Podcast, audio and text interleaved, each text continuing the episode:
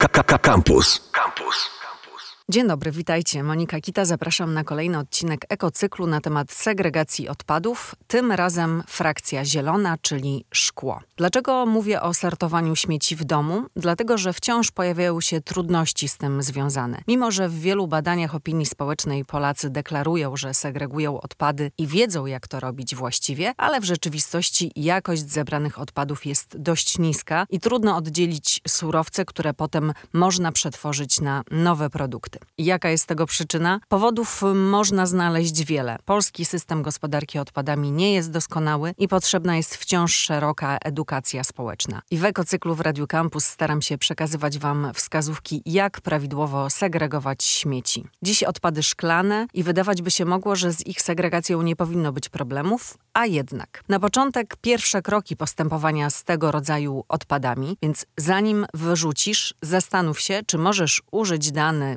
przedmiot ponownie, na przykład słoik do przechowywania żywności czy butelkę jako wazon. A gdy już pozbywasz się odpadów szklanych, po pierwsze opróżniaj je z zawartości, ale nie myj. Szkoda zużywać wodę, wystarczy pamiętać, żeby wyrzucać e, opakowania bez resztek jedzenia. Po drugie, oddzielaj od szklanych słoików i butelek zakrętki czy kapsle, które powinny zwykle trafić do pojemnika na tworzywa sztuczne. Z kolei papierowe etykiety mogą zostać. Zdrapywanie ich nie ma sensu. Po trzecie, wyrzucone szkło nie może być potłuczone, utrudnia to przetworzenie, więc jeżeli zbije wam się kieliszek, wrzućcie go do odpadów zmieszanych. I teraz przechodzimy do zasad poprawnego segregowania szkła, tak aby można je było przetworzyć i wykorzystać ponownie do produkcji nowych przedmiotów. Na początek lista odpadów szklanych, które można wrzucić do zielonego pojemnika i tych, które nie powinny tam trafić. Do zielonego pojemnika można wrzucać tylko szkło opakowaniowe, czyli butelki po napojach i jedzeniu, słoiki bez zakrętek, szklane opakowania po kosmetykach. A czego nie wrzucać do szkła?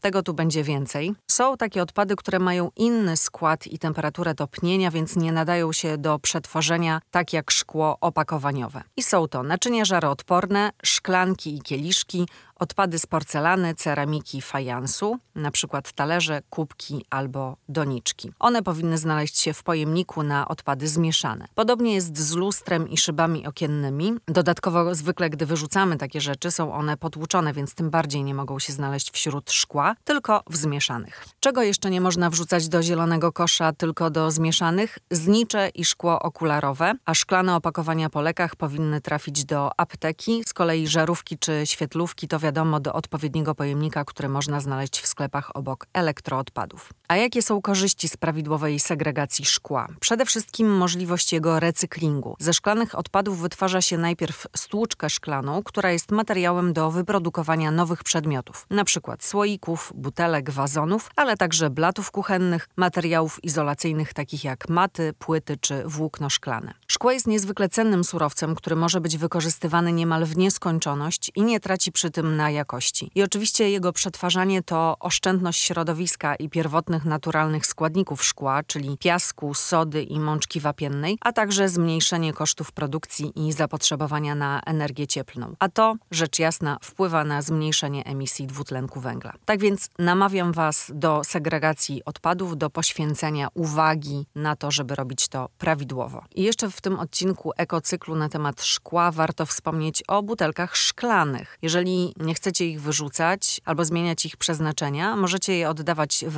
recyklomatach, które znajdują się w kilku miejscach w Warszawie i zdobywać punkty, które wymienicie na nagrody, na przykład zniżki na kawę, bilety do kina, teatru czy nawet prenumeratę czasopism. A co z systemem kaucyjnym dla butelek na napoje? Planowane jest jego wprowadzenie w połowie przyszłego roku, więc na jego powszechność musimy jeszcze trochę poczekać. Do tego czasu warto skupić się na prawidłowej segregacji odpadów, a jeśli macie jakiekolwiek pytania dotyczące tego, co wrzucać do jakiego pojemnika, zaglądajcie na strony internetowe swojej gminy albo miasta. W przypadku Warszawy jest to strona Segreguj na 5. Tam znajduje się wyszukiwarka, gdzie można wpisać konkretny odpad i pojawia się odpowiedź, gdzie go wyrzucić. A w następnym odcinku opowiem Wam o odpadach biodegradowalnych. Internety. Facebook.com ukośnik Radiocampus. Twitter ukośnik Radiocampus. Snapchat ukośnik Radiocampus. Instagram ukośnik Radiocampus.